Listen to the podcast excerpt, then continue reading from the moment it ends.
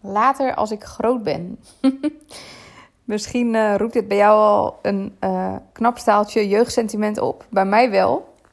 Ik was vandaag bezig met uh, content voorbereiden. Dat doe ik vaak op maandagochtend als ik geen afspraken heb. Omdat ik dan nog helemaal lekker fris in de week zit en allerlei nieuwe ideeën heb. En de content die ik aan het maken was, daarin kwamen ook een aantal elementen naar voren vanuit iets wat bijna voelt als een vorige leven. Zoals jullie inmiddels weten, als je mijn vorige podcast hebt geluisterd, heb ik voordat ik een coachbedrijf had ook een creatief bedrijf gehad. Maar voordat ik een creatief bedrijf had, waar ik in 2015 mee startte, had ik eigenlijk een heel ander leven. Uh, ik werkte in een loondienst, ik werkte nog in een hele andere stad, ik woonde nog in een hele andere stad en ik was ook eigenlijk een heel ander persoon. En uh, vandaag heb ik ook een, een nieuwsbrief hierover verstuurd aan mijn lijst. En er zaten een aantal elementen in die ik ook echt met jou wil delen. Mocht je het sowieso leuk vinden om inspiratie te ontvangen via de mail, laat het me dan even weten. Je kunt me altijd een mailtje sturen, want podcast neem ik gemiddeld één keer in de maand op, soms iets vaker. En mailtjes verstuur ik vaak um, gemiddeld, nou ja, zeg één keer per kwartaal. Dus let me know als je dat tof vindt. Een van de dingen die naar voren kwam was het later als ik groot ben verhaal. Ik vertelde namelijk dat ik vroeger echt een meisje was die super verlegen was en een soort van zich chronisch schaamde. en ik moet daar nu een beetje om lachen, want als ik terugdenk aan mijn vroegere zelf, dan zie ik echt een super kleine meid in de schoolbanken zitten met sproetjes op haar wangen en um, die eigenlijk altijd knalrood werd op het moment dat er iets gevraagd werd.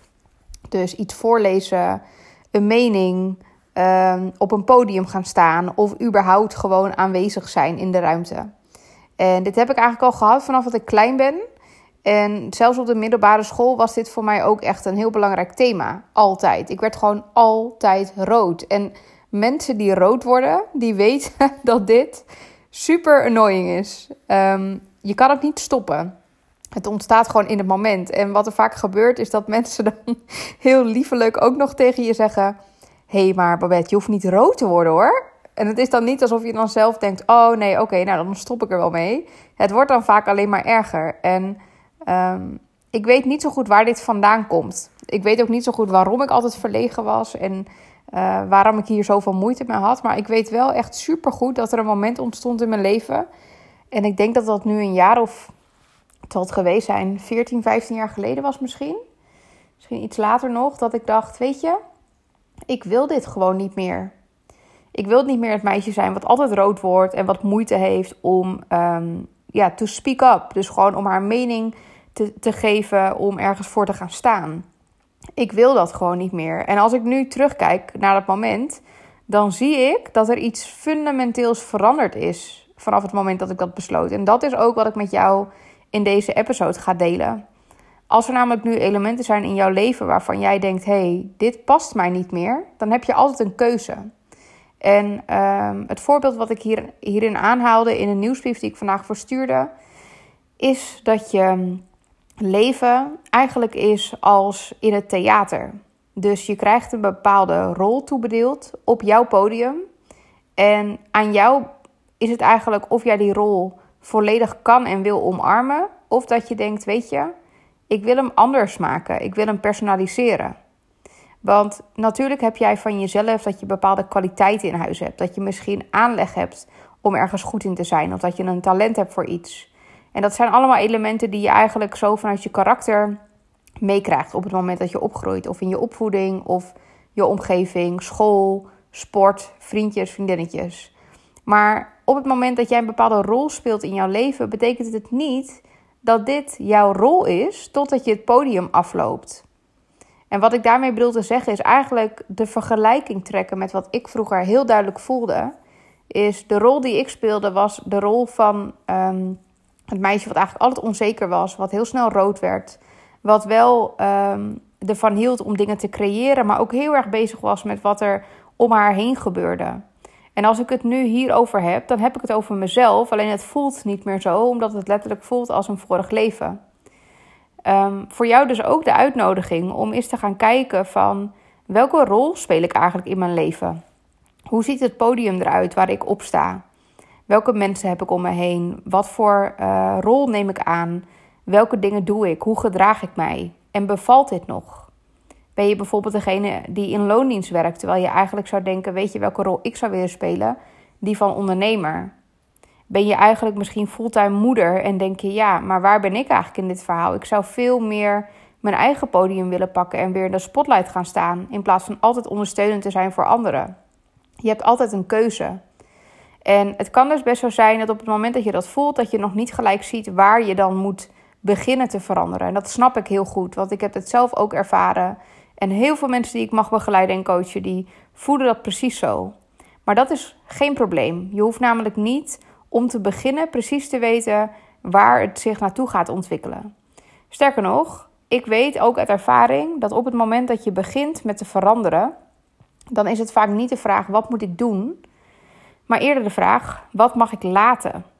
Ehm, misschien heb ik dit al eens eerder gedeeld in een podcast, maar je hebt eigenlijk als mens zijnde uh, verschillende ballen waar je mee aan het jong leren bent, continu. En vaak is het zo dat als mensen iets willen veranderen in hun leven, dus ze willen gaan ondernemen, of ze willen gaan reizen, of ze willen iets heel anders gaan doen, dan is de eerste vraag die ze mij altijd stellen: Babette, wat moet ik nou doen? Oftewel, welke bal moet ik oppakken? En mijn advies is dan altijd om eerst eens te kijken met wat voor ballen ben jij nu aan het jong leren, die jou niet meer helpen. Met andere woorden, welke ballen kun jij eerst neerleggen? Want op het moment dat je iets kunt neerleggen, dan heb je automatisch weer meer ruimte in je handen om nieuwe dingen aan te pakken. En dat kan dus zomaar zijn dat je nu een lijstje gaat maken om te kijken welke dingen geven mij energie en welke dingen niet. Vaak is dat een supergoeie leidraad om te voelen welke dingen je mag laten varen. Het kan zomaar zijn dat je voordat je kunt gaan floreren met je business, eerst misschien de stap moet zetten om een dag minder te gaan werken. Of als jij al volledig ondernemer bent en je denkt, ja, ik wil gaan groeien met mijn business, dan kan het zomaar zijn dat je bijvoorbeeld eerst iemand gaat aannemen die jou gaat helpen voordat je überhaupt werk hebt voor diegene. Maar dat je samen werk gaat creëren. Dus je gaat altijd een stapje uit je comfortzone. Wat ik ook weet wat hierbij kan ontstaan, is ook wat ik heb ervaren. Dat het voelt alsof je nog een beetje in het verkeerde script zit op het moment dat je gaat veranderen. Voor mij voelde het heel erg in het begin toen ik bedacht: hé, hey, ik wil niet meer die um, verlegen meid zijn. Ik wil eigenlijk gewoon iemand zijn die ergens voor staat, die um, de lucht kan openbreken met humor. Iemand die ervoor wil zorgen dat, hè, dat ik zelf lekker in mijn vel zit en durf te staan voor wat ik, wat ik waard ben en wat ik belangrijk vind. Maar ook een podium geven aan anderen, zodat zij dit ook kunnen. In het begin voelde het heel erg alsof ik een rol aan het spelen was die niet van mij was. Alsof ik, alsof ik het een beetje voor de show deed, alsof het nep was. Maar uiteindelijk merkte ik dat door de weken en maanden die verstreken, dat de persoon die ik mezelf toen leerde om te zijn, dat dat uiteindelijk de persoon is die ik ben geworden. En dat is de persoon die ik nu al, ik denk ruim 15 jaar ben. Degene die gewoon het leuk vindt om op een podium te staan, die uh, opkomt voor haar mening, die ruimte in durft te nemen. Het voelt niet meer als een trucje, zoals het de eerste weken en maanden voelde. Het is echt wie ik ben geworden.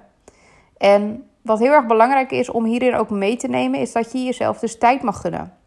Wat een van de deelnemers van mijn uh, ondernemende vrouwentraining een keertje zei tijdens uh, het weekend. Ik heb altijd vier keer per jaar een uh, tweedaagse training die ik geef op locatie. En uh, dit is speciaal gericht op ondernemende vrouwen. En toen hadden we het over nieuwe dingen doen. En een van de deelnemers die zei toen tegen een andere deelnemer, dat vond ik nog het mooiste, die zei: um, Ik vind het heel erg moeilijk om nieuwe dingen te gaan doen. Want ik ben er gewoon niet goed in. En wat als het niet lukt? En toen zei dus een ander, weet je, het maakt eigenlijk niet uit als het niet lukt. Ze zei op het moment dat wij ons willen ontwikkelen als mens of ondernemer en we gaan iets heel nieuws doen, iets wat we nog nooit gedaan hebben, dan kun je jezelf beschouwen als een peuter. En een peuter die geven wij altijd de tijd om zich te ontwikkelen. Om te gaan onderzoeken welke manieren werken, om uh, te vallen en vervolgens weer op te staan. We zijn super mild en liefdevol naar elke peuter in ons leven die iets nieuws wil leren. Het is niet dat als iemand, als hij wil leren fietsen of gaat kleuren of iets anders, dat wij gelijk de eerste keer dat het niet lukt zeggen: Nou, jeetje, dombo. Weet je, dat zou je nooit tegen een peuter zeggen. En de vraag is dus: waarom zouden we dat wel heel liefdevol, vanuit volle mildheid tegen een peuter um, doen? Dus liefdevol, geduld en zeggen: Joh, probeer het nog een keer maar niet tegen onszelf. Dus wat die deelnemer tijdens de training naar voren haalde, is een van de dingen die mij nog altijd bijblijft. Dit is ook een van de mooiste dingen überhaupt aan coaching en training. Want ik mag heel veel kennis delen. Maar ik hoor dus soms ook pareltjes als deze. En dit is eentje die ik nooit zal vergeten. En dat is dus ook wat ik jou vandaag wil meegeven. Is dat dat uh, peuter zijn. Dat mild, milde, liefdevolle, zorgzame, uh, vol met geduld. Die houding. Die wil je ook opbrengen richting jezelf toe. Of richting jezelf als jij iets nieuws gaat doen. Want je hoeft het niet in één keer te kunnen. En nogmaals, het kan dus um, ongemakkelijk voelen in het begin. Dat je je anders gaat gedragen. Dat je nee zegt tegen dingen waar je normaal ja tegen zou zeggen. Dat je misschien geld gaat investeren wat je net verdiend hebt, waar je ook lekker voor op vakantie kunt. Maar jij denkt, nou, ik ga het wel investeren in een teamlid of in een systeem of in iets anders om het leven wat makkelijker te maken. Je kan superveel ongemakken ervaren. Maar mijn ervaring is ook dat um, dat ongemak niets is vergeleken met een leven vol ongemakken als jij besluit om een comfortabel leven te blijven leiden. Puur en alleen omdat het comfortabel voelt. Terwijl je eigenlijk misschien diep van binnen wel ongelukkig bent. Dus mocht je het nodig hebben gehad, laat mij alsjeblieft de reminder zijn vandaag dat je maar één leven hebt. Dat het super belangrijk is dat jij beseft dat dit jouw podium is, in jouw theater, met de dikke vette neonlichten op de voordeur, met het verhaal wat jij wil vertellen. En dat helaas bij 9 van de 10 mensen die ik ontmoet, zij in een verkeerd theater zijn beland. Met letters op de deur die niets over hun zeggen. In een situatie die helemaal niet bij hun past. Met de verkeerde mensen in het publiek. En mensen op een podium die totaal niet aansluiten bij wie zij willen zijn in het leven. Dus ik hoop echt dat je hem kunt voelen van je kruin tot in je teen. Dat je weet dat dit jouw leven is. En dat je geen concessies hoeft te sluiten. En dat we natuurlijk altijd tot op zekere hoogte rekening houden met ons medemens. En dat is ook altijd wat ik zeg. Doe wat jou gelukkig maakt zonder dat je daarmee een ander in de weg zit. Dus het moet niet ten koste gaan van iemand, het liefste nog samen met iemand anders.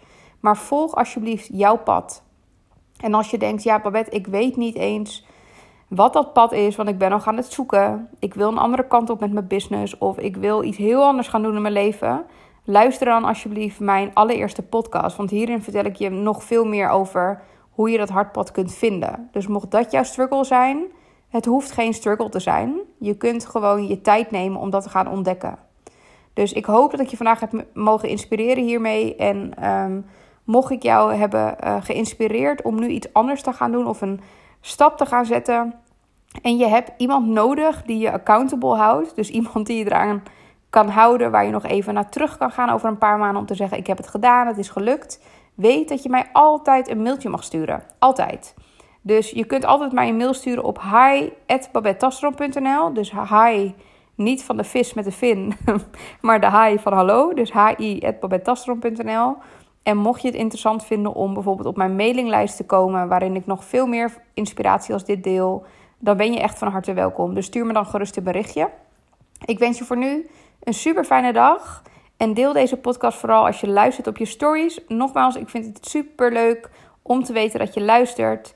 En ook om te weten en te zien of ik je in beweging heb gekregen. Want dat is precies de reden dat ik dit voor jullie opneem. Dus dank je wel dat je hem tot hier hebt afgeluisterd. En uh, mocht je echt de behoefte voelen om nog meer te gaan groeien als ondernemer. En je misschien net gestart bent of misschien al een paar jaar onderweg.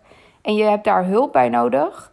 Ik zit tot en met april 2021 zit ik vol in mijn coachtrajecten.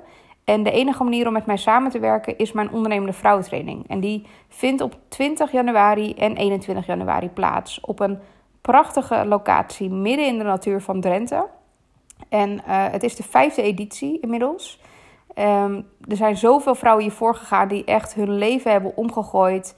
Nu echt stralen en helemaal volledig in hun kracht staan in hun business. En hun hele nieuwe verhaal hebben omarmd. En als jij het gevoel hebt dat je denkt: ik wil wel groeien, maar het lukt me niet alleen. Weet dan dat je altijd bij mij terecht kunt. Ik zal ook de link in de show notes zetten uh, voor de ondernemende vrouwentraining. Dan kun je gewoon eens op je gemakje lezen of het bij je past of niet. En als je dan nog vragen hebt, dan ben ik er voor je. Oké, dankjewel voor het luisteren en we spreken elkaar heel gauw.